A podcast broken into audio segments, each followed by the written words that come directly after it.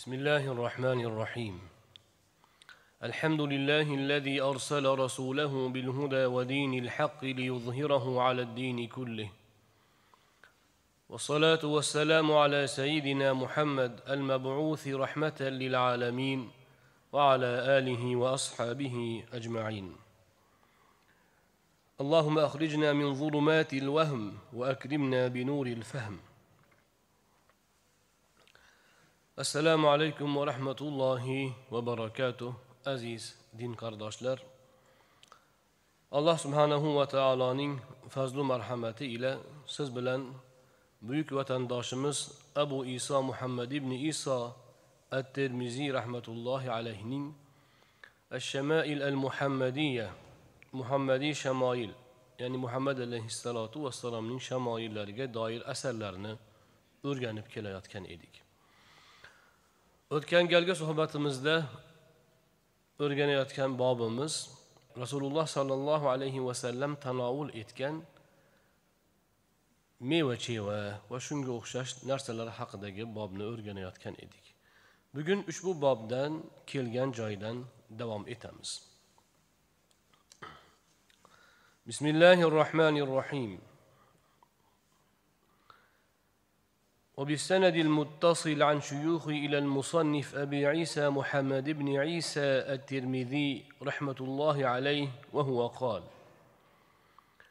حدثنا محمد بن حميد الرازي أنبأنا إبراهيم بن المختار عن محمد بن إسحاق عن أبي عبيدة ابن محمد بن عمار بن ياسر عن ربيع بنت معوذ ابن عفراء قالت بعثني معاذ بقناع من رطب وعليه أجر من قثاء زغب. وكان صلى الله عليه وسلم يحب القثاء فأتيته به. وعنده حلية قد قدمت عليه من البحرين فملأه يده منها فأعطانيه. ربيع بنت مؤوز ابن افرا roziyallohu anho aytadilar. Muoz meni bir tovoqda xurmo va yana mayda mayda mo'yi hali to'kilmagan tarrak solingan bir tovoqni mendan jo'natdi. Rasululloh sollallohu alayhi vasallamning huzurlariga meni demak tovoq bir tovoq xurmo bir tovoq bilan yubordi. Tovoqni ichida xurmo va hali haligi mo'ylari tuklari to'kilmagan bodring ham e, tarrak ham bor edi. Rasululloh sollallohu alayhi vasallam tarrakni yaxshi ko'rib suyib yerdilar. Men tarrakni rasululloh sollallohu alayhi vasallamga olib bordim. Shunda u zotning huzurlarida bahrangdan keltirilgan taqinchoqlar bor ekan u zot alayhissalom o'sha taqinchoqlardan qo'llariga to'ldirib oldilarda qo'llarini to'ldirib taqinchoqlarni qo'llariga olib o'sha taqinchoqlarni menga hadya qildilar deydilar حدثنا علي بن حجر أنبأنا شريك عن عبد الله بن محمد بن عقيل عن الربيع بنت معوذ قالت أتيت النبي صلى الله عليه وسلم بقناع من رطب وآجر زغب. فأعطاني ملء كفه حليا أو قالت ذهبا. ينأشى ربيع بنت مؤوز رضي الله عنها دان روايات قلنده. نبي صلى الله عليه وسلم نين خزور لرغة خرما صالنگان و تكلار كلمة تكلمگان mayda mayda tarrak solingan tovoqni olib keldim. U zot alayhissalotu vassalom mening menga kaftlarini to'ldirib taqinchoqlar berdilar deydilar. Yana bir rivoyatda roviy roviy ikkilanyapti bir kaftlarini to'ldirib tilla berdilar degan ekan. Rubayya binti muavviz muavviz bu muavviz bilan muoz ikkalalari aka uka bular badr jangida qatnashgan yosh yigitlar bo'lgan. O'sha vaqtda ular e, abu jahlni yiqitib taslim qilib o'ldirganlar. Mana shu muavviz bilan muoz ikkalalari bo'ladi. Muavvizning qiziga demak e, qizlari rubayya degan qizlari bo'lgan ekan. O'shanga amakisi muoz o'zini hosillaridan haligindek mevalarni solib rasuli akram alayhissalotu vassalomning huzurlariga jiyanini yuboribdi. Qizaloq bola payg'ambarimiz alayhissalotu vassalomga o'sha mevalarni yetkazganda u zot alayhissalotu vassalom qizlarini ko'nglini olish uchun qiz bolani erkalatib taqinchoqlar kelgan ekan bahrayndan. O'sha bahrayndan kelgan taqinchoqlaridan kaftlarini to'ldirib haligi qizaloqqa berib yuborgan ekanlar. Bahrayn hozir ham bahrayn degan davlat bor ko'pchilik biladi. Lekin hozirgi bahrayn e, kichkinagina orolchalardan iborat e, mamlakat endi. Lekin u vaqtlarda bahrayn katta bo'lgan. Bahrayn deb hozirgi qatar hop iroqqacha bo'lgan basra quvayt ya'ni iroqqa tutashgan yerlar o'sha e, bizda fors ko'rfazi deymizmi? Fors ko'rfazi bo'ylab cho'zilgan bir nechta hozirda bir nechta davlatlar shaharlar bo'lib turgan mintaqani o'z ichiga olgan davlat bahrayn davlati deyilgan. Hozirgi bahrayn ham uning ichiga kirgan lekin hozir bahrayn kichayib ketgan. Uning bir qismigina bahrayn deb ataladi. Demak qatar quvayt va hokazolar bahraynning demak tarkibidan chiqib ketgan hozir. Ana o'sha bahraynda rasuli akram alayhissalotu vassalom payg'ambar bo'lgan vaqtlarida munzir ibn soviy degan odam hokim bo'lgan. Munzir ibn soviyga payg'ambarimiz alayhissalotu vassalom o'z elchilarini yuborganlar da'vat qilib. U kishi musulmon bo'lgan keyin payg'ambarimiz alayhissalotu vassalomga maktub yozgan. Yo rasululloh bizning aholimiz ichida yahudiysi ham nasroniysi ham bor. U munzir ibn soviy o'zi nasroniy bo'lgan. Musulmon bo'lgandan keyin aytganki men musulmon bo'ldim. Bizni xalqimizni ko'pchiligiga siz yuborgan elchilar yetkazgan din islom ta'limotlari ma'qul keldi. Juda ko'pchiligi musulmon bo'ldi lekin hali musulmon bo'lmaganlar ham bor deb aytgan. Va mana shu musulmon bo'lmaganlar bilan qanday muomala munosabatda bo'lish haqida rasululloh sollallohu alayhi vasallamdan maslahat so'rab ish ko'rgan. O'shanda e, musulmon bo'lmagan odamlarning musulmonlardan zakot olinadi. Musulmon bo'lmaganlardan xaroj olinadi. Hosillaridan e, yoki jizya olinadi. O'sha zakotni o'rniga zakotdan oz bo'ladi o'zi. Lekin zakotga o'xshash ya'ni hozirgi til bilan aytganda ularga xos soliq. Soliqlar to'lanadi turli e, ishlar uchun o'sha soliqni musulmonlardan ko'proq zakot ko'rinishida olingan bo'lsa boshqa musulmon bo'lmaganlardan jizya yoki xaroj ko'rinishida olingan. Musulmonlardan ushur zakot ko'rinishida olingan. Ana o'shanaqa xaroj mollardan iborat tilla taqin xaroj xaroj orqali kelgan tilla taqinchoqlar bo'lgan ekan. Rasuli akram alayhissalotu vassalom kaftlarini to'ldirib haligi qizaloqqa haligi tillalardan taqinchoqlardan berib yuborgan ekanlar. Bundan e, rasuli akram alayhissalotu vassalom demak bu hadisdan biz bobga bobga bobga doir oladigan foydamiz shuki u zot alayhissalotu vassalomga demak sahobalar meva chevalar yuborib turishgan ekan va u zot alayhissalom meva chevalarni suyib yegan ekanlar. Yana hozirgi aynan hozirgi rivoyatdan olinadigan foyda shuki payg'ambarimiz alayhissalotu vassalomning nazdlarida dunyoning qiymati pashsha qadrichalik ham bo'lmagan. Hunaynda rasuli akram alayhissalotu vassalom o'sha o'ljalardan taqsimlagan paytlarida ansoriylarga birga madinadan birga kelib jang qilgan ansoriylar qolib yangi musulmon bo'lgan qurashning kattalariga ko'pgina ko'pgina ulush berganlar. O'shanda ba'zi bir e'tirozlar bo'lgan yosh ansoriylardan yosh katta ansoriylar shunda tushungan. Rasuli akram alayhissalotu vassalomning tasarruflarini tushungan lekin yosh sahobalar nega endi u biz uzoqdan shuncha joydan kelamiz mehnat qilib u bizga yo'q hech narsa bizga ozgina narsa beriladi yoinki bu makkaliklarga e, katta katta ulush beriladi ko'p ko'p e, qo'y mol berildi. Endi bular hamshahar bo'lgani uchunmikin? Deganga o'xshash fikrlar qaynab qolgan. Shunda rasuli akram alayhissalotu vassalom ularga voqelikni holatni tushuntirganlar.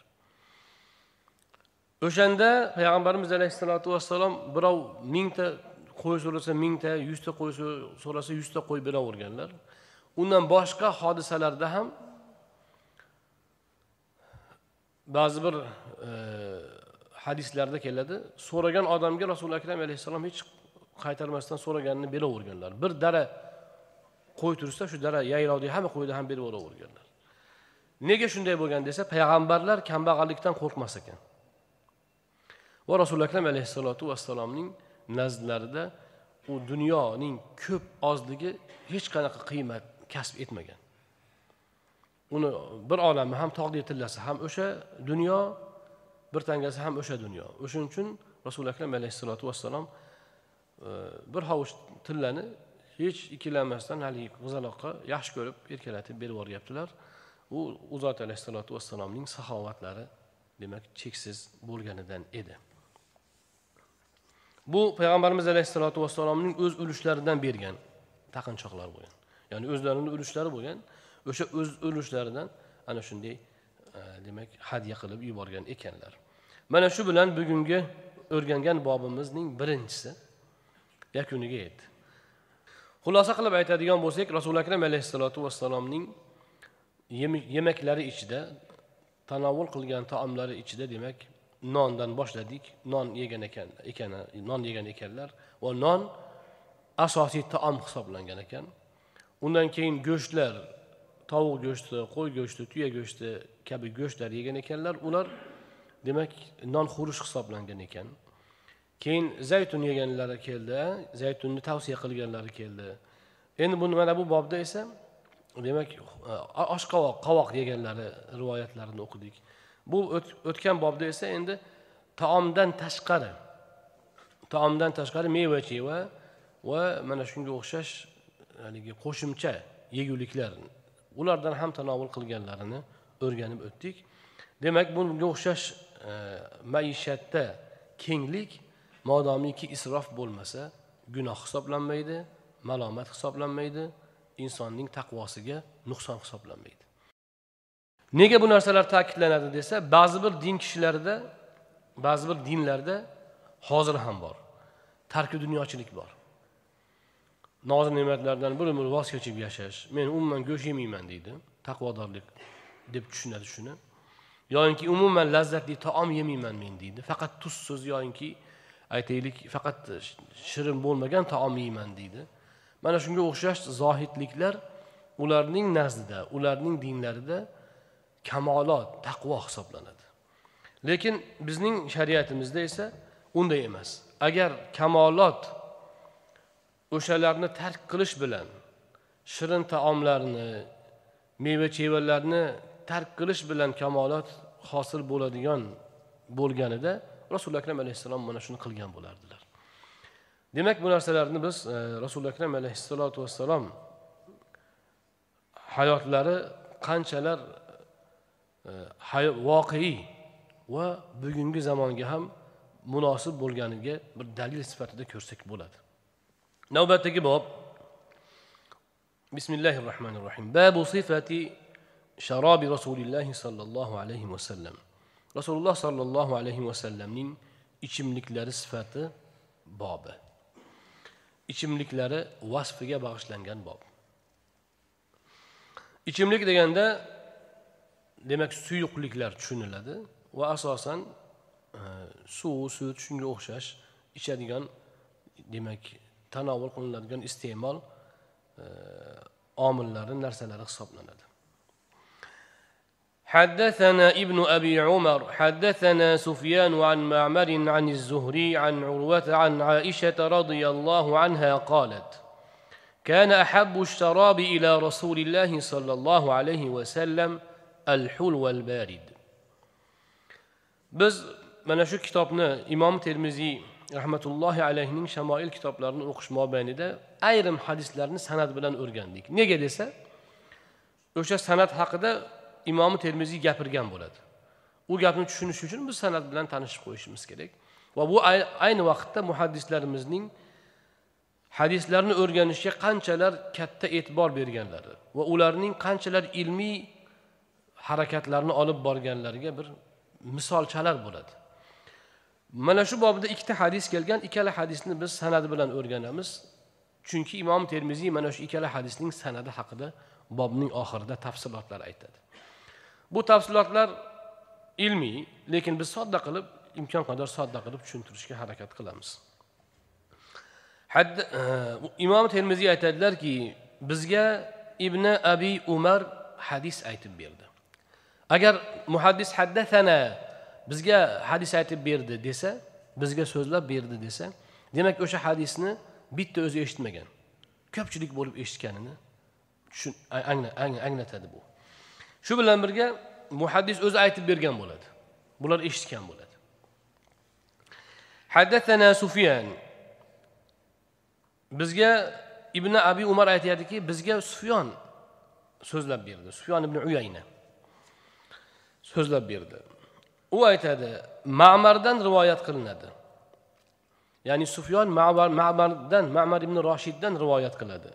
U esa zuhriydan ibn shihob az zuhriydan rivoyat qiladi. Shihob ibn shihob az zuhriydan u esa urvadan urva ibn zubayr roziyallohu anhudan. U esa oysha roziyallohu anhodan rivoyat qiladi. Oysha roziyallohu anhu aytadilarki rasululloh sollallohu alayhi vasallamga eng suyukli ichimlik shirin va sovuq bo'lgani edi deydilar. Hozirda mana ichimliklarga e, napitkalarga ichimliklarga yozib qo'yadi. Sovutilgan holda iching deb qo'yadi. Nega desa issiq ichsa mijozga demak u yoqimsiz bo'ladi. Rasuli akram alayhissalotu vassalom odatda suyuqlikni sovuq ichishni yaxshi ko'rar ekanlar ichimliklarni sovuq ichishni yaxshi ko'rar ekanlar. Muzda emas sovuq. Sovuq holatda ichishni yaxshi ko'rar ekanlar va shira bo'lsa suyib ichar ekanlar. Shira bo'lishi masalan asal qo'shilgan bo'lsa shira bo'lishi mumkin. Haligi nabizlar deymiz. Xurmoni solib xurmoni shirasi chiqib e, shirin bir sharbatga o'xshash ichimlik bo'lishi uzumni solib shirinligini olishi mumkin.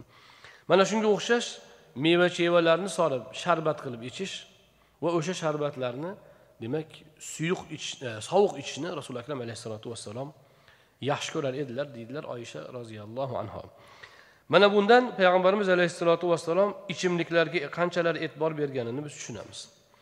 Chunki ichimlik o'sha sovuq holatda bo'lsa u tanaga foyda bo'ladi singishi oson bo'ladi. Issiq bo'lsa u demak e, tanaga yoqimsiz hazmi og'ir bo'ladi. Bu yerda shirin suv deganda umuman oddiy suvning shirin ta'mligi ham nazarda tutilgan deydilar. Ya'ni quduqni suvini olib ichaverish emas balki buloqni suvini ichishga intilardilar. Ha imkon qadar shirin suvga intilardilar deb tushunsak ham bo'ladi deydilar shorihlarimiz. Shuning uchun ulamolar aytadilarki sho'r namatak e, haligi suv solingan sho'r suvlar modomiki davolanish uchun bo'lmasa tavsiya qilinmaydi sho'r suvni ichish sog'likka zararli deb aytadilar va shuning uchun ham rasuli akram alayhissalotu vassalom odatda tuzsiz shirin suv chuchuk suvni ichishga intilganlar deb ta'kidlaydilar حدثنا أحمد بن منيع حدثنا إسماعيل بن إبراهيم أنبأنا علي بن زيد عن عمر هو ابن أبي حرملة. عن ابن عباس رضي الله عنهما قال دخلت مع رسول الله صلى الله عليه وسلم أنا وخالد بن الوليد. على ميمونة فجاءتنا بإناء من لبن فشرب رسول الله صلى الله عليه وسلم. وأنا على يمينه وخالد عن شماله فقال لي الشربة لك فإن شئت آثرت بها خالدا. فقلت ما كنت لأثير, لأوثر على سؤرك أحدا. ثم قال رسول الله صلى الله عليه وسلم من أطعمه الله طعاما فليقل اللهم بارك لنا فيه وأطعمنا خيرا منه. ومن سقاه الله عز وجل لبنا فليقل اللهم بارك لنا فيه وزدنا منه ثم قال قال رسول الله صلى الله عليه وسلم ليس شيء يجزئ مكان الطعام والشراب غير اللبن bu hadisni ham sanadi bilan o'rganamiz imomi termiziy aytadilar bizga ahmad ibn mani so'zlab berdi hadis aytib berdi u aytadi bizga ismoil ibn ibrohim hadis aytib berdi u aytadi bizga ali ibn yazid ali ibn zayd xabar qildi u mamardan rivoyat u umardan rivoyat qiladi. Umar bu ibn abu harmala degan odam edi. U ibn abbos roziyallohu anhudan rivoyat qiladi. Ibn abbos aytadilar rasululloh sollallohu alayhi vasallam bilan birgalikda men xolid ibn valid uchalamiz maymuna roziyallohu anhoning huzuriga kirdik.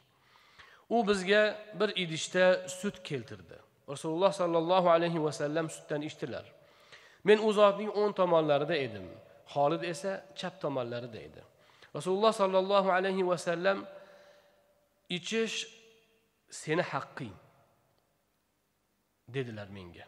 Va aytdilarki ichish seni haqqing. Lekin agar xohlasang xolidni o'zingdan ustun qo'yib ichimlikni sutni unga uzatasan dedilar. Shundan men aytdim deydi ibn abbos roziyallohu anhu. Yo rasululloh men sizdan qolgan sizning e, tupugingiz tegib turgan sutni ya'ni sizning qoldig'ingizni men hech kimga o'zimdan ustun qo'yib uni berolmayman ya'ni sizning tabarrukingizga hech kimni o'zimdan ustun qo'ya olmayman deb aytdim deydi ibn abbos roziyallohu anhu. Shunda rasululloh sollallohu alayhi vasallam shundan keyin rasuli akram alayhissalotu vassalom dedilar alloh kimga bir taom nasib etib taom yedirsa taom yegandan keyin aytsinki allohumma barik lana fih va at'imna khayron min allohim bizga mana shu taomda baraka bergin. Ya'ni alloh kimga bir taom nasib etsa ya'ni taom yetkazsa kimga alloh taom yetkazsa yetkazsa duo qilsin ekan. Allohim bizga mana shu taomimizda baraka bergin va undan yaxshisini bizga nasib etgin. Agar alloh azza va jalla kimga sut nasib etsa sutni muyassar etsa u aytsinki allohim bizga mana shu sutda baraka bergin. Va uni ziyoda qilgin desin. Deb turib payg'ambarimiz alayhissalotu vassalom yana aytibdilarki chunki hech bir narsa sutdan boshqa hech bir narsa ham taom ham ichimlik o'rnini bosolmaydi degan ekanlar. Ushbu hadisdan hadisda ba'zi bir ma'nolarga biz to'xtalib o'tamiz. Birinchidan xolid ibn valid bilan ibn abbos roziyallohu anhu maymuna roziyallohu anhuning huzuriga anhoning huzuriga rasululloh bilan birga kirib kelishyapti. Nega? Desa chunki maymuna roziyallohu anho xolid ibn validga ham ibn abbos roziyallohu anhuga ham xola bo'ladilar. Shuning uchun ular rasuli akram alayhissalotu vassalom bilan birga xonadon ichigacha bemalol birga kirib kelishyapti. Payg'ambarimiz alayhissalotu vassalomga maymuna roziyallohu anho sut uzatibdilar. Rasululloh alayhissalotu vassalom sutni ichganlarida o'ng tomonlarida ibn abbos roziyallohu anhu yosh bola bo'lgan. Holid ibn valid roziyallohu anhu katta katta kishi yoshlar katta inson. U kishi chap tomonda o'tirib qolgan ekanlar. Nega rasuli akram alayhissalotu vassalomga uzatdilar? Birinchi desa taom uzatishda bo'ladimi? Ichimlik uzatishda bo'ladimi? Mana shu rivoyatdan biz taom va ichimlik uzatish odobini bilib olamiz. Masalan bir kishi turgan bo'lsa bitta o'sha odamni o'zi mehmon o'ziga berasiz. Sutni ham taomni ham lekin ikki uch kishi yoki undan ko'p inson bo'lsa taomni birinchi kimdan beriladi? Bizda odamlarda bir so'z bor o'ng tomondan beriladi deyiladi. Shu qanaqa tushuniladi shu? Birinchi o'ng tomonga berish kerak desa hamma o'tirib olib choyni birinchi o'ng tomondagi uzatadi. Ko'rganmisizlar shuni? Shu mana shu hadisni noto'g'ri tushunish shu. Aslida o'ng tomon degan gap bu ikkinchi masala. Birinchi masala o'sha majlisda eng muhtaram bosh inson kim? Martabasi ulug' olimmi otami ustozmi kim? Shu o'tirilgan o'tirgan majlisni sadril majlisi deydi. Ya'ni majlisni pesh peshvosi. Mehmonlarni peshvosi kim? Birinchi o'shanga uzatiladi. O'ng tomon undan keyin boshlanadi. Mana to'g'rida o'tirgan odamga berdingiz taomni o'shaning o'ng tomonidan keyin boshlanadi berish. O'zingiz choy quyib o'tirsangiz o'zingizni o'ng tomoningiz emas balki sadrul majlis bo'lib turgan majlisni demak yetakchisi bo'lib turgan kishiga beriladi. Podshoh bo'lishi mumkin qozi bo'lishi mumkin amir bo'lishi mumkin imom bo'lishi mumkin ota bo'lishi mumkin ustoz va hokazo.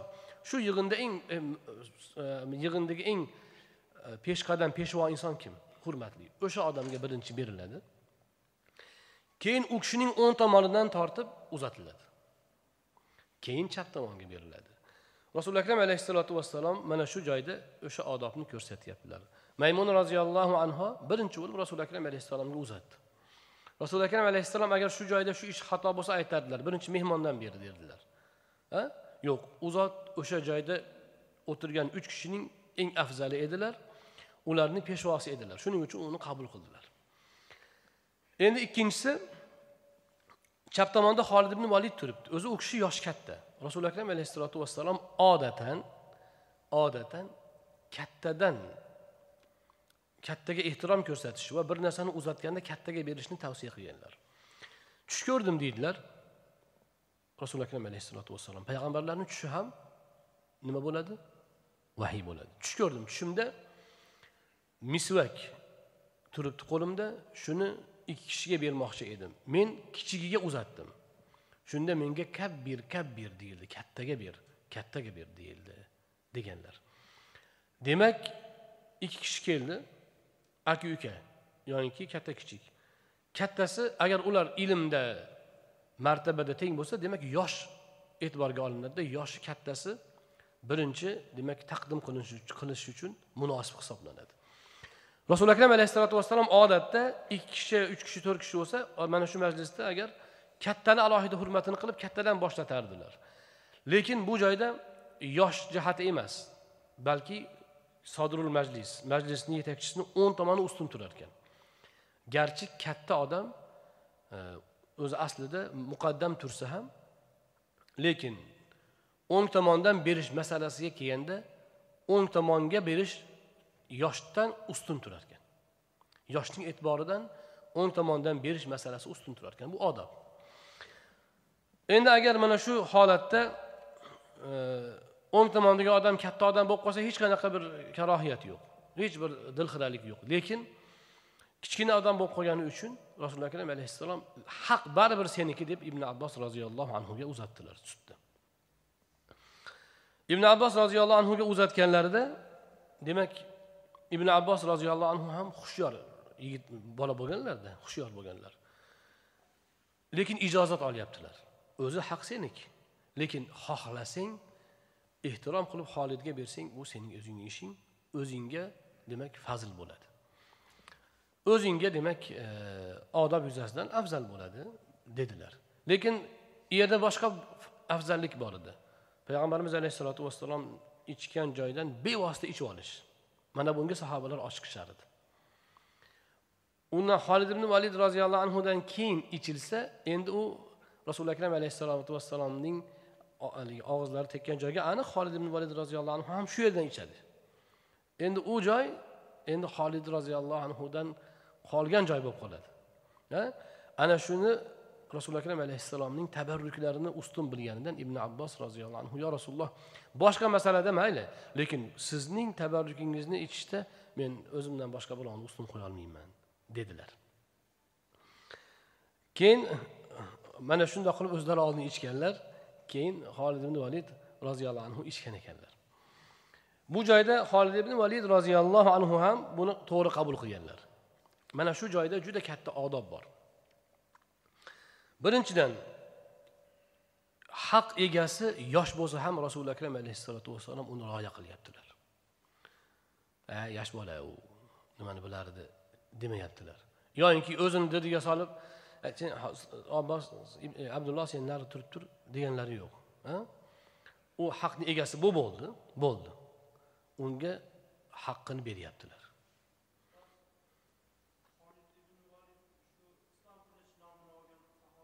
Aha shu kishi. Mhm. Aynan- shu kishi. Aynan sayfulloh islomning qilichi laqabini olgan xolid ibn valid roziyallohu anhu haqida gap ketyapti. Juda to'g'ri. Xolid ibn valid roziyallohu anhu e, va roziyallohu anhu o'zi katta qo'mondon bo'lib yurgan odam juda ehtiromli odam. Shaxs sifatida ham muhtaram inson. Ham qarindosh ekan. Ular emikdosh aka uka ekan. Aka ustun bo'lishi kerak o'zi asli. Bu jihatdan ham u kishi haqliroq. Lekin hamma hammasidan yosh bo'ladimi qarindoshlik jihatidan kattalik bo'ladimi? Hammasidan o'ng tomondagi o'rinni egallash bu muqaddam turar ekan. Nega desa bunga ulamolarimiz ajoyib izoh aytgan ekanlar.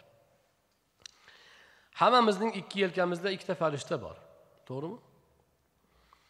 Shu ikkala farishtaning bittasi amir ikkinchisi unga itoat qilar ekan. Qaysi biri amir bo'ladi? O'ng tomon. O'sha o'ng tomondagi farishta chap tomondagi ustidan amir bo'lar ekan. Shuning uchun o'ng tomondagi inson o'sha farishta tomonida o'tirgan inson o'laroq u haligi ehtiromga birinchi bo'lib haqli bo'lar ekan. Shuning uchun ulug' insonlarni o'ng tomoniga o'tirishga oshiqish agar e, aziyat bo'lmasa bu yaxshi ish hisoblanar ekan. Aziyat kibr bo'lmasa. Ba'zi odamlar har xil tushunadi. Masalan ba'zan inson e, muhabbati jo'shib shu ulug' insonlarni oldidan joy olib bir baraka umid qilishi mumkin. Lekin buni hamma ham to'g'ri tushunmasligi mumkin. Kimdir beodoblikka yuborishi mumkin lekin buni hammasini mezoni bor. Hammasi ham beadablik bo'lmaydi. Balki inson gohida shavqu zavq bilan bir olimning yaqiniga o'tirib qolishi mumkin va bu e, demak e, haligidek barakaga sabab bo'lishi ham mumkin. Rasuli akram alayhissalotu vassalom yoshlarga bo'lgan e'tiborlari mana shu joyda ham ko'ringan. Chunki payg'ambarimiz alayhissalotu vassalom yosh bolalarga ham kattaga muomala qilgandek muomala qilganlar. Mana biz buni o'rganishimiz kerak. U ellikka kirganda ham hali bu yosh deb qo'yishadi. O'zi oltmishga kirgan xolos. Ya bu hali yosh deydi. Shunaqa ko'rganmiz shunaqa gaplarni biz eshitganmiz. Yoyinki yigit bo'yiga yetgan kap katta odam bular yosh bola deyaveradi. O'shanaqa qilib hammani yosh bola yosh bola deyaverib hozir o'ttizga kirsa ham haligi yosh bolani singari o'ynab yuribdi yigitlarimiz. O'zi o'ttiz yashar odam u davlat boshqaradigan odam u kerak bo'lsa. Vazir bo'ladigan katta ishlarni qiladigan odam. O'yin bolasi to'p tepib yuribdi aylanib yuribdi. Hali yoshsan hali yoshsan qilib hamma quvvat imkoniyat bor davrni biz o'yin kulgiga sarflaydigan qilib qo'ydik. Rasuli akram alayhissalotu vassalom o'n yashar o'n ikki yashar bolaga ham katta odamga muomala qilgandek muomala qilardilar uni ehtiromini joyiga qo'yardilar. Farzand tarbiyasida mana shu narsa muhim. Bolaga siz katta odamga muomala qilgandek aqlli zakovat aqllilik bilan zakovat bilan muomala qilsangiz o'shanga ko'nikadi. Uni aymaqilab gaplashaversangiz u bilan o'sha aymaqi bo'yi katta bo'laveradi. Keyin katta bo'lsa masxaravoz bo'ladi. Shuning uchun demak har bir e, shaxsiyatni yoshligidanoq ana shunday demak e'tirof bilan o'stiriladi undiriladi.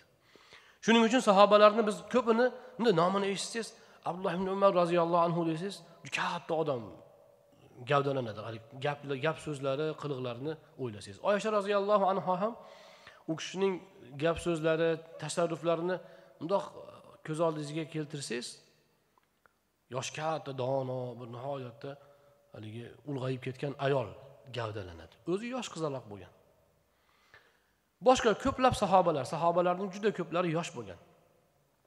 Va rasuli akram alayhissalotu vassalom o'sha yoshlarga alohida e'tibor berganlar ularni qo'llab quvvatlaganlar sad ibn uboda roziyallohu anhu badrda rasuli akram alayhissalotu vassalom harbiy jihatdan noto'g'ri joyga qo'ndilar.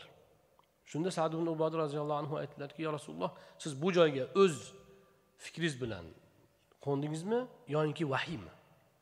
Sahobalarni donoligi agar vahiy bo'lsa aralashmaymiz. Demak alloh uni biladi degan ma'noda shu gapni aytgan. Rasuli akram alayhissalom yo'q vahiy emas bu o'zim shuni e, qulay deb ko'rdim.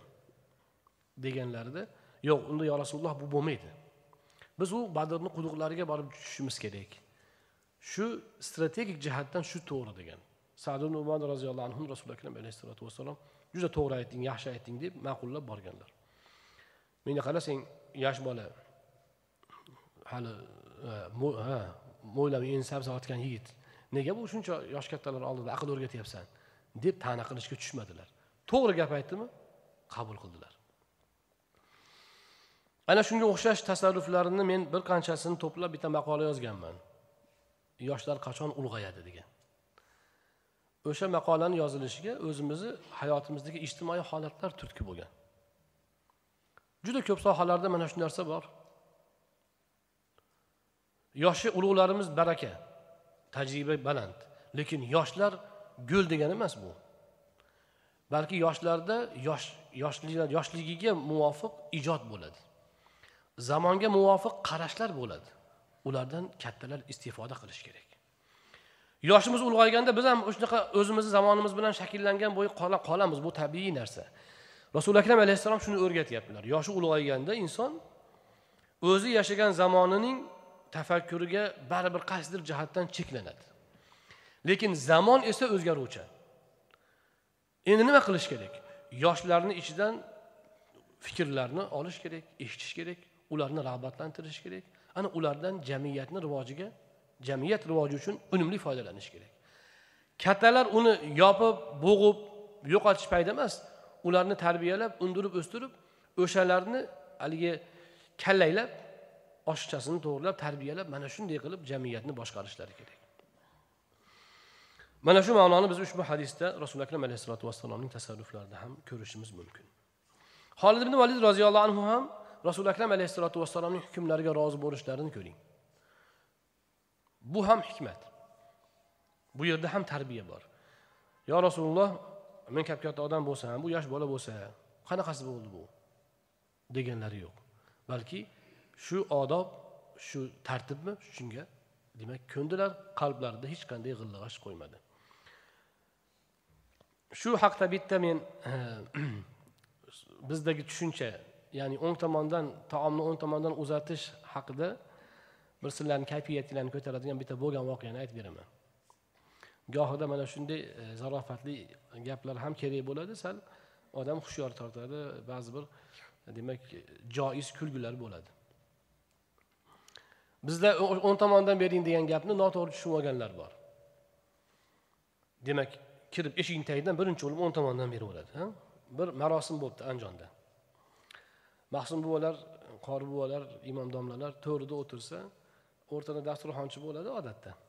Dasturxonchi kiribdida e, domla yaxshi tuzimsizlar charchamasdan. E, ovqat kelgan ekan birinchi taom. Bir chekkadan beraveraylik deb bir chekkadan beribdi o'ng tomondan. O'zi asli odob e, o'quvli kishilar hammasi to'g'ridan berib boshlaydi. Lekin haligi odam hozirgi aytilgan odobni noto'g'ri tushunib olgan. Noto'g'ri tushunib olib so'ramasdan izohini ham so'ramasdan o'zi bilag'onlik qilib o'ng tomondan berib birinchi taomni tarqatibdi keyin xayr indashmabdi keyin ikkinchi taom kelibdi. Ikkinchi taom kelsa ikkinchi taomda ham e, mahsum buva shu bir o'ng tomondan boshlayveraylik bir chekkadan. Bir chekkadan boshlayveraylik bir chekkadan haligi uyni etagidan boshlab ovqat uzatishni boshlabdi bir chekkadan qilib. Keyin odatda birinchi ikkinchi taomdan keyin haligi domlalarga navbat beriladi. Suhbat qilish kerak yoki mavlud o'qish kerak. Mavlud o'qish kerak ekan. Keyin haligi o'rtakash kelib qora aka bu eshikda xonadon egalarini iltimoslari bor ekan shu mavlud o'qib qo'yasizlar ekan desa shu bir chekkadan boshlaveringlar degan ekan. Shu bir chekkadan boshlaveringlar bo'lgan voqea. Shuning uchun demak e, mana shunga o'xshash e, odoblarni anig'ini bilib olish kerak to'g'rirog'ini e, demak anglab olish kerak bo'ladi.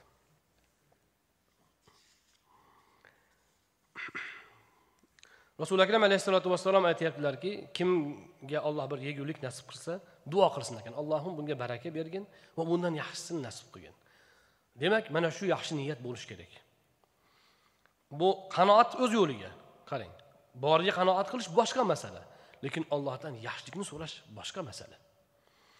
Qanoat degani bu bo'lgan bo'lganingcha bo'lib yotaver degani emas bu. Balki harakat qildingiz qo'lingizga nasib bo'lgani yetib keldi mana shunga rozi bo'lish. Lekin bu degani shu bo'yi to'xtab qolish degani emas. Balki alloh yana ham yaxshirog'ini bergin desangiz demak bu maqsadga muvofiq bo'ladi. Kimga olloh ichimlik nasib qilsa allohim menga berganing uchun shukur mana shu ichimlikka baraka bergin va uni ziyoda qilgin deb aytsin degan ekanlar.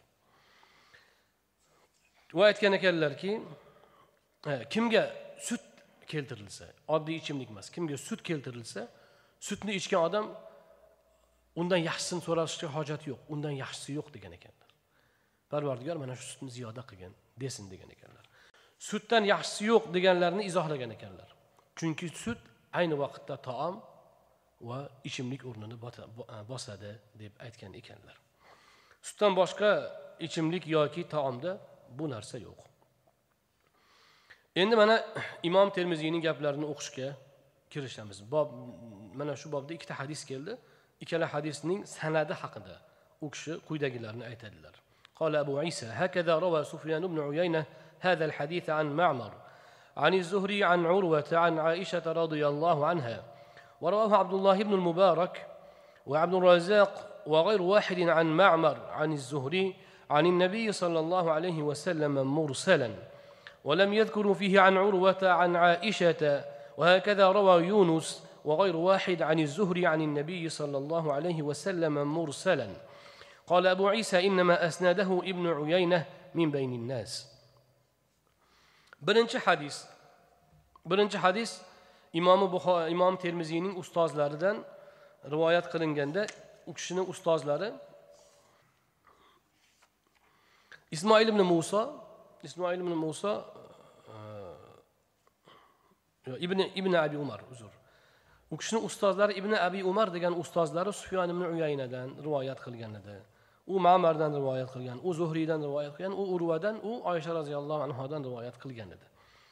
Imom termiziy aytadilarki sufyon ibn uyayna o'sha roviylar ichida sufyon ibn uyayna degan buyuk faqih buyuk e, muhaddis o'tganlar. Sufyon ibn uyayna gina hadisni mana shunaqa payg'ambarimiz alayhissalomgacha muttasil san'at bilan rivoyat qilgan demoqchi.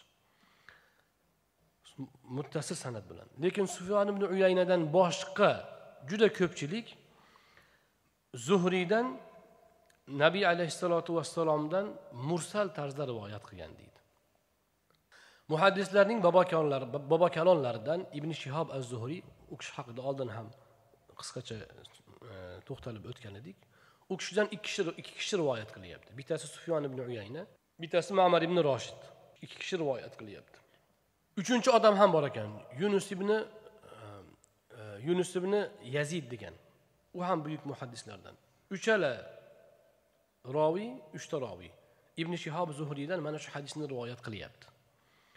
Shu uchala roviydan juda ko'p muhaddislar shu hadisni son sanoqsiz e, muhaddislar rivoyat qilgan deydi. E, e, Abu iso termiziy endi shular ichidan deydi sufyon ibn uyayna demak mamar ibn roshid yunus ibn yazid uchalasidan faqat sufyon ibn uyayna hadisni payg'ambarimiz alayhissalotu vassalomgacha muttasil san'at bilan rivoyat qilgan. Zuhriy urvadan urva oysha roziyallohu anhodan u rasuli akram alayhissalotu vassalom yaxshi ko'rgan ichimlik shirin va muzdek ichimlik bo'lar edi deb aytgan degan hadis. Lekin sufyon ibn uyaynadan boshqa qolgan roviylar boshqa roviylar zuhriyning o'zidan rivoyat qilgan. Demak ibn shihob zuhriy hadisni oysha roziyallohu anhodan urvadan rivoyat qilib o'tirmasdan rasululloh alayhissalotu vassalom shirin muzdek ichimlikni yaxshi ko'rardilar. Yaxna ichimlikni yaxshi ko'rardilar. Degan ekan bu bilan ikkala hadisni nima farqi bor desa oldingi hadisni musnat deyiladi ya'ni muttasil san'at bor keyingi turini mursal deyiladi. Chunki u ibn shihob zuhriy rasulullohni alayhissalotu vassalomni o'zi ko'rmagan o'rtadagi roviylarni tushirib qo'yib hadisni o'zi rivoyat qilsa u mursal bo'ladi. Endi imom termiziy bu bilan nima demoqchilar desa mursal shaklidagi rivoyat hadisning mursal shaklidagi e, rivoyati ko'pchilik tomonidan naql qilingani uchun u san'at jihatdan kuchli hisoblanadi deydilar. Ha chunki ko'pchilik mana shu bir xil gapni aytgan. Hammasida zuhriy ibn shihob zuhriy o'zi aytyapti hadisni. U aytdi u oyshadan rivoyat qildi deb o'tirmayapti. Lekin sufyon ibn uyaynaning o'rtaga urva bilan oysha roziyallohu anhoning qo'shib anhoni qo'shib hadisni bevosita rasuli akram alayhissalotu vassalomgacha ulab rivoyat qilgani bu rivoyatlar uchun izoh bo'ladi deydi. Ya'ni zuhriy o'zi rasulullohni ko'rmaganku kimdan eshitgan ekan degan savol tug'ilsa sufyon ibn uyaynani rivoyati unga javob bo'ladi deb e, imom termiziy mana shu gaplarni aytmoqdalar. Ikkinchi hadis haqida imom termiziy quyidagilarni aytadi. قال أبو عيسى وميمونة, وميمونة بنت الحارث زوج النبي صلى الله عليه وسلم هي خالة خالد بن وليد وخالة ابن عباس وخالة يزيد بن الأصم رضي الله عنهم. واختلف الناس في رواية هذا الحديث عن علي بن زيد بن جدعان فروى بعضهم عن علي بن زيد عن عمر بن أبي حرملة وروى شعبة عن علي بن زيد فقال عن عمرو بن حرملة والصحيح عن عمر بن أبي حرملة. حديثتك ميمونة ديب كيليان اسم ميمونة بنت خارس رضي الله عنها اسم بولب و نبي صلى الله عليه وسلم جفت حلال ردور ديد أبو يساء الترمزي وسوزلرده دوام اتبعت ادلر و ميمونة رضي الله عنها خالد بن وليد ibn abbosning ibn abbos roziyallohu anhu va yazid ibn asom roziyallohu anhularning xolasi edilar. Yana hadisning sanadiga doir bahsni u kishi rivoyat qilib aytadilarki hadisda roviylardan biri umar ibn abi harmala degan odam edi. Shuni ko'pchilik mana shu umar ibn abi harmala deb rivoyat qilgan lekin robiylardan birgina shoba ali ibn yazid amr ibn harmaladan rivoyat qildi deb aytadi. Ya'ni umar ibn harmala emas amr umar ibn abi harmala demasdan amr ibn harmala deb aytgan. Imom termiziy aytadilarki yo'q buni to'g'rirog'i umar ibn abi harmala degani bo'ladi deydilar. Bu endi mana shu san'atdagi kishilarning kunyalariga ismlariga doir ma'lumot. Mana shu bilan rasuli akram alayhissalotu vassalomning ichimliklari vasfida kelgan e, bobni demak yakuniga yetkazdik. Endi navbatdagi bob ham ichimlik haqida ketadi. Babu ma jaa fi sifati shurbi rasulillahi sollallohu alayhi vasallam rasululloh sollallohu alayhi vasallamning ichimlik ichishlarining vasfida kelgan xabarlar bobi. حدثنا أحمد بن منيع حدثنا هشيم أنبأنا عاصم الأحول ومغيرة عن الشعبي عن ابن عباس رضي الله عنهما أن النبي صلى الله عليه وسلم شرب من زمزم وهو قائم. ibn abbos roziyallohu anhudan rivoyat qilinadi nabiy sollallohu alayhi vasallam tik turgan holatlarida zamzam ichdilar. حدثنا قتيبة بن سعيد حدثنا محمد بن جعفر عن حسين بن المعلم عن عمرو بن شعيب عن أبيه عن جده قال رأيت رسول الله صلى الله عليه وسلم يشرب قائما وقاعدا abr ibn shuayb otasidan u bobosidan bobosi abdulloh ibn abr ibn os roziyallohu anhu bo'ladilar mashhur sahobiy u kishidan rivoyat qiladi u kishi aytadilar men rasululloh sollallohu alayhi vasallamning tik turib ichimlikni tik turib ichganlarini ham ko'rdim o'tirib ichganlarini ham ko'rdim حدثنا علي بن حجر قال حدثنا ابن المبارك عن عاصم الأحول عن الشعبي عن ابن عباس رضي الله عنهما قال سقيت النبي صلى الله عليه وسلم من زمزم فشرب وهو قائم ibn abbos roziyallohu anhudan rivoyat qilinadi men nabiy sollallohu alayhi vasallamga zamzamdan uzatdim u zot uni tik turgan holatda ichdilar حدثنا أبو كريب محمد بن العلاء ومحمد بن طريف الكوفي قال أنبأنا ابن الفضيل عن الأعمش عن عبد الله عن, عن عبد الملك بن ميسرة عن النزال بن سبرة قال أتي علي رضي الله عنه بكوز من ماء وهو في الرحبة فأخذ منه كفا فغسل يديه ومضمضه واستنشق ومسح وجهه وذراعيه ورأسه ثم شرب وهو قائم ثم قال هذا وضوء من لم يحدث. هكذا رأيت رسول الله صلى الله عليه وسلم فعل. نزال بن سبرة rahmatullohi alayhidan rivoyat qilinadi. Aytadilar ali roziyallohu anhuga bir ko'zada suv keltirildi. U bir sahnada turgan edi. Bu yerda sahna deb tarjima qilingan joy maydon kenglik.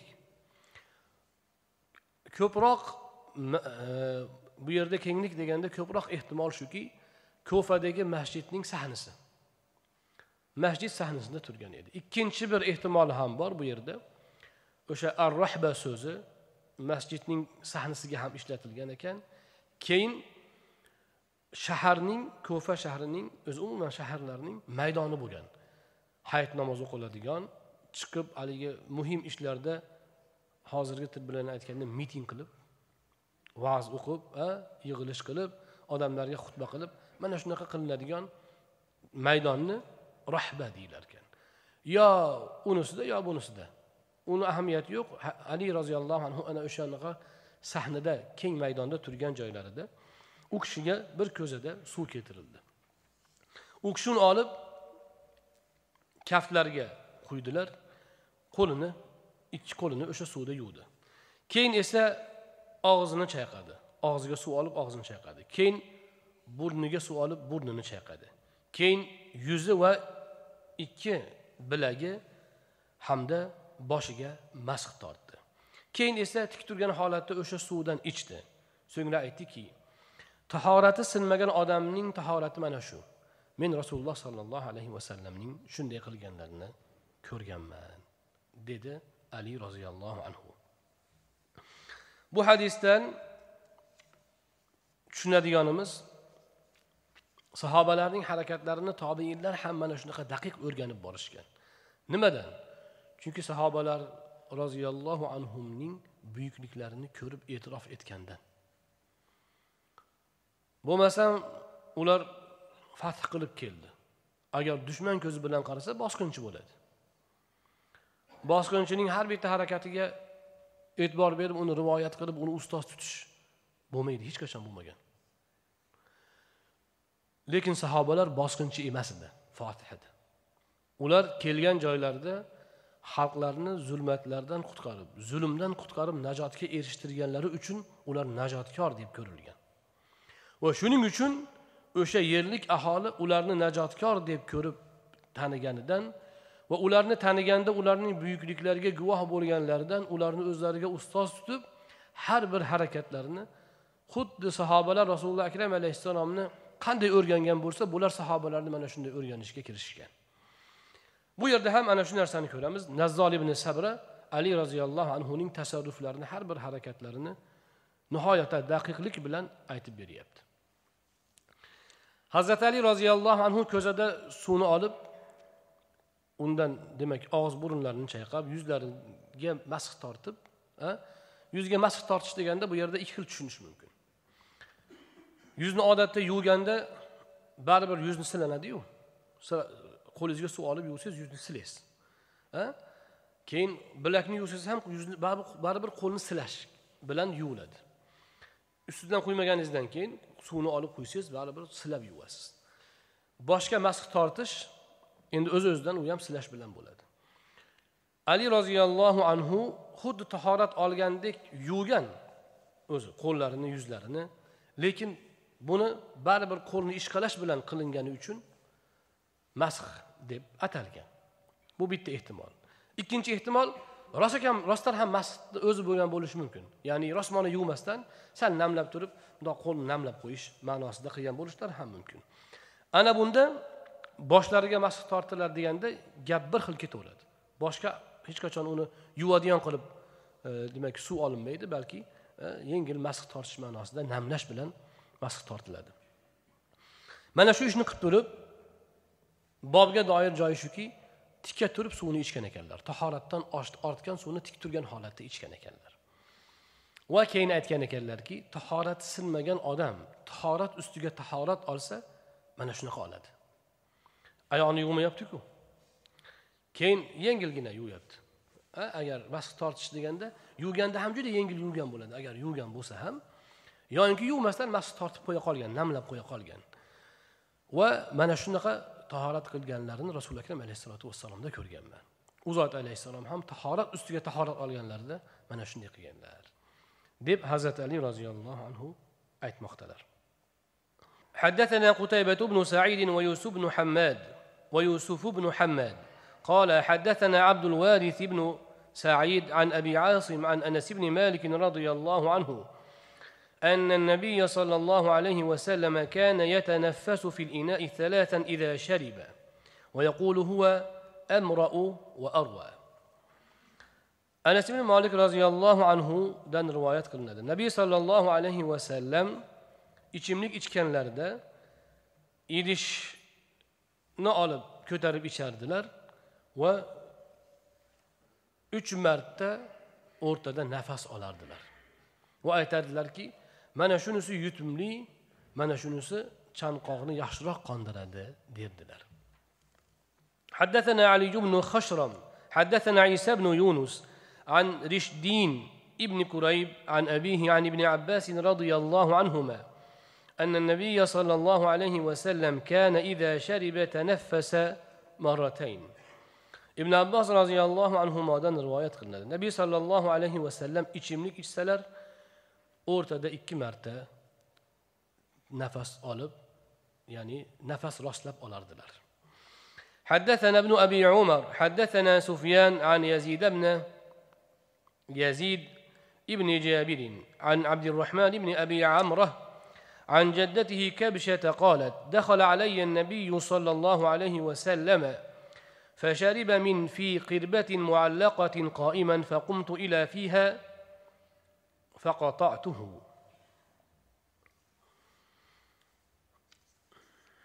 عبد الرحمن بن أبي عمرو buvasi kabsha binti sobitdan rivoyat qiladi roziyallohu anhu aytadilarki nabiy sollallohu alayhi vasallam mening huzurimga kirib meshning og'zidan iliniq osiliq turgan meshning og'zidan ichdilarda e, iliniq turgan meshning og'zidan tik turgan holatda suv ichdilarda e, mana shu e, suv ichganlaridan keyin men o'rnimdan turib u zot alayhissalotu vassalom ichganlari uchun o'sha meshning og'zini qirqib oldim deydilar حدثنا محمد بن بشار حدثنا عبد الرحمن بن مهدي حدثنا عزرة بن ثابت الأنصاري عن ثمامة بن عبد الله قال كان أنس بن مالك رضي الله عنه يتنفس في الإناء ثلاثا وزعم أن النبي صلى الله عليه وسلم كان يتنفس في الإناء ثلاثا ثمامة بن عبد الله دان روايات قلنا أنس بن مالك رضي الله عنه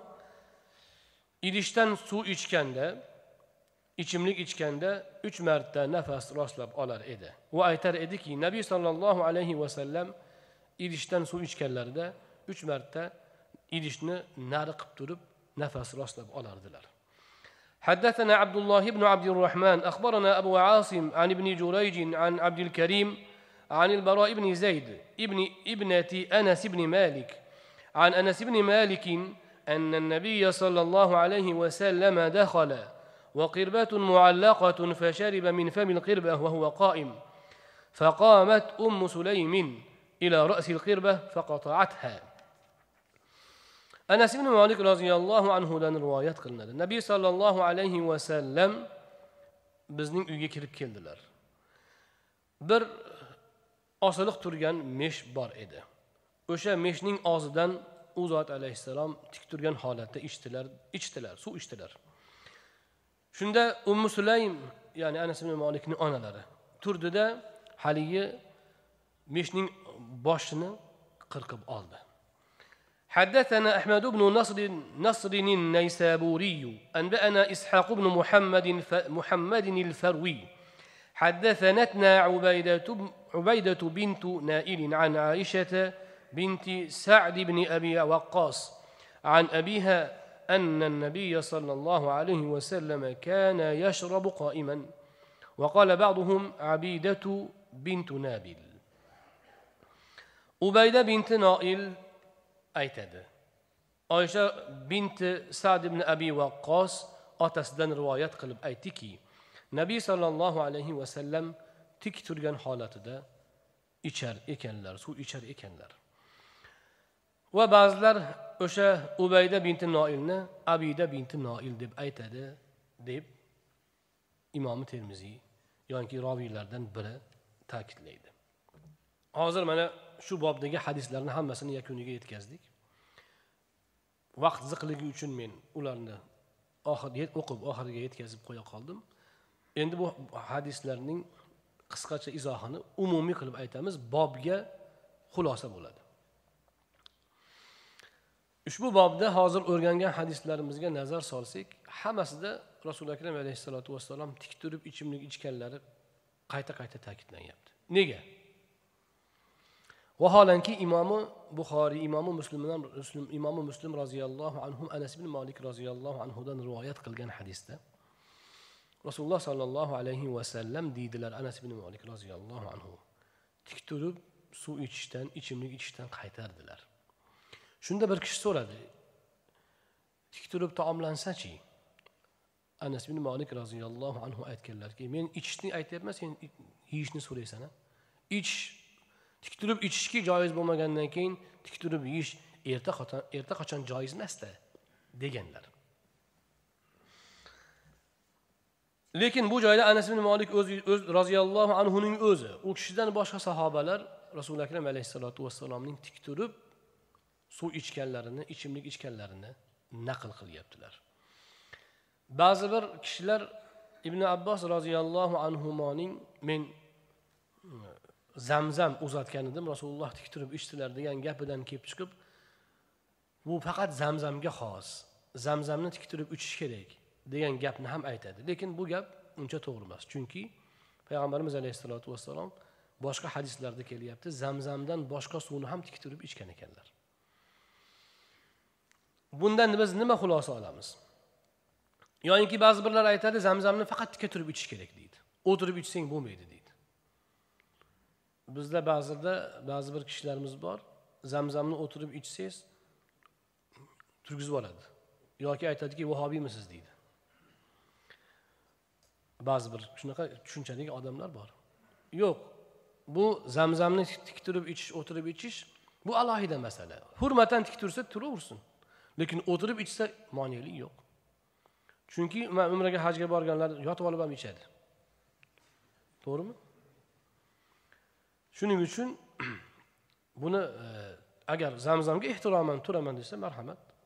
Allohni e, demak barakotli qilib qo'ygan suvlarini suvini ichishda bu ehtirom ko'rsatsa hech qanaqa monelik yo'q savob. Lekin nega turmayapsan demasin o'tirib ichaversin ha ba'zida mashaqqat tug'dirishadi.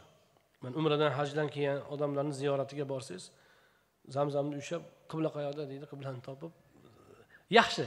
Odob go'zal odob lekin agar qilsa mashaqqat bo'lmasa qilaversin.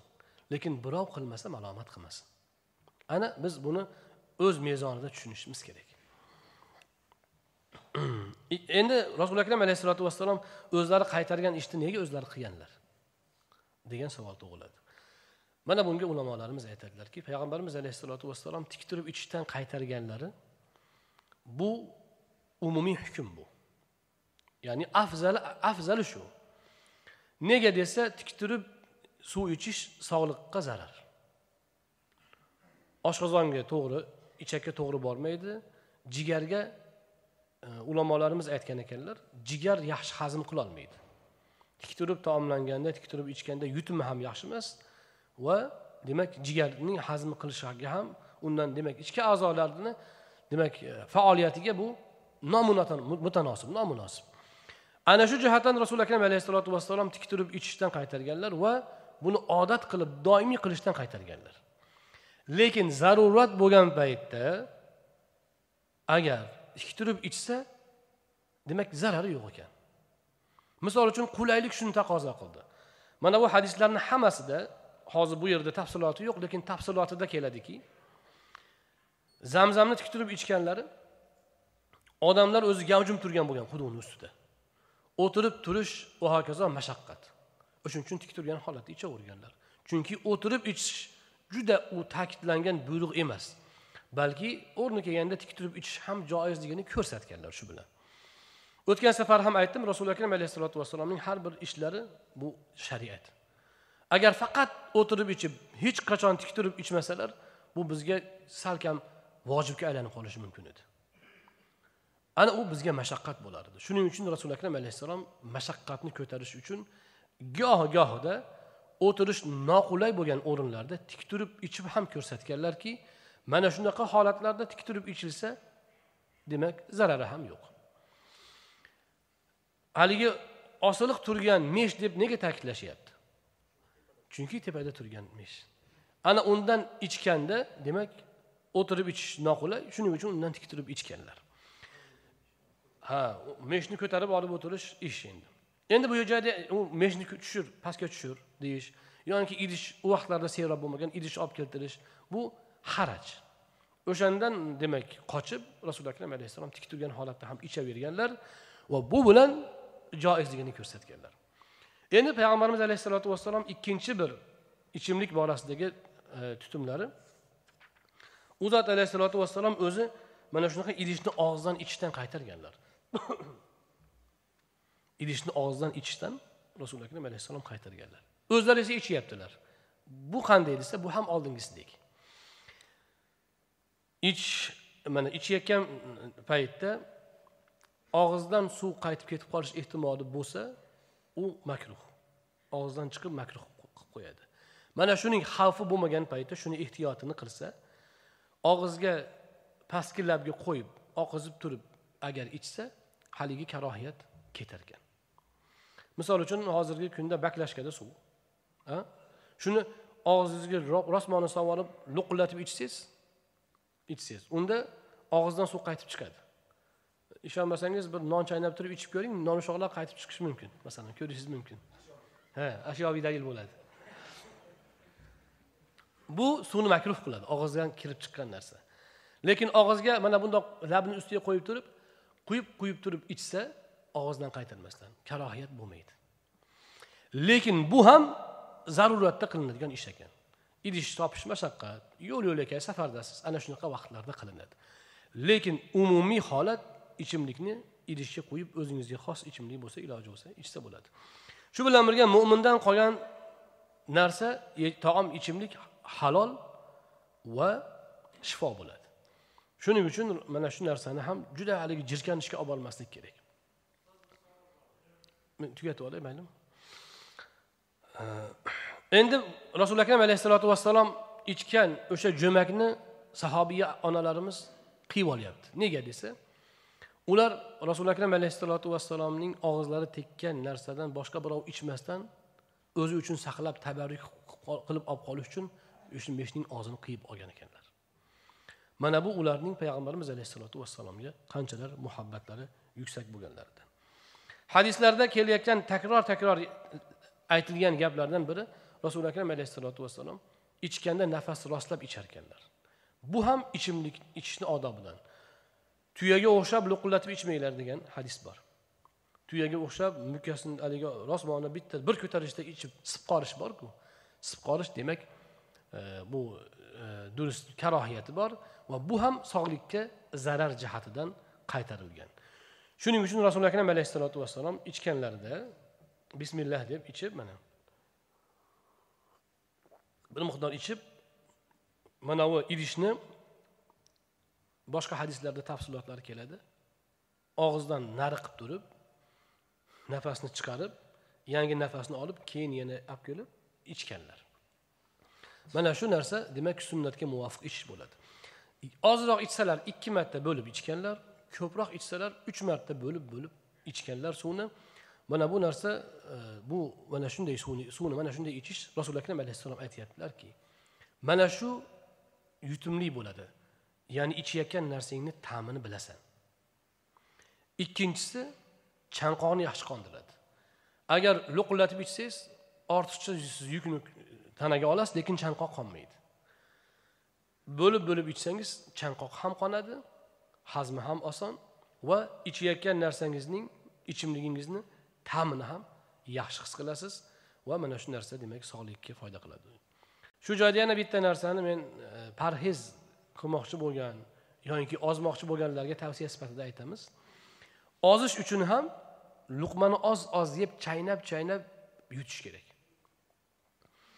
Ana shunda bilasizmi shirin taom odam yeganda bilmasdan ko'payib qo'yadi. Nega desa haligi shirin taomga mana bu ta'm bilish a'zolari to'ymaydi. O'shani o'rnida ta'mi chatoqroq bemaza ovqatni bersa siz unaqa ko'p yemaysiz. Ovqat shirin bo'lsa ko'p yeganingizni bilmay qolasiz. Nega desa ta'm bilish a'zolari yana so'rab so'rayveradi va siz o'sha ta'm bilish a'zosini chanqog'ini qondiraman deb qonini to'ygizaman deb qoningiz ishib ketganini bilmay qolasiz. Ana undan keyin semizlik ortiqcha to'yish kelib chiqadi. Uni oldini olish nima desa? Yegan taomni yaxshi chaynab ta'mini yaxshi mana shu ta'm bilish a'zolariga yaxshi sezdirib yeyilsa xuddi ichimlikni sekin ichgani singari ta'm bilish a'zolari ta'mga shirin ta'mga tezroq to'yadi. Va siz ham ovqatdan vaqtliroq to'xtashingiz mumkin bo'ladi. Ana shu mana bu demak parhez ma'nosida tavsiya. Rasuli akram alayhissalotu vassalomning ichimlik ichishdagi sunnatlarida mana shu narsa mana shu ma'nolar bor ekan. Alloh subhanahu va taolo o'zi hammalarimizga foydali ilmlar nasib aylasin va o'rganganlarimizga amal qilishni muvaffaq aylasin. Tik turib ichishga xulosa yasab qo'yishimiz kerak. Tik turib ichish doimiy bo'lsa durust karohiyati bor.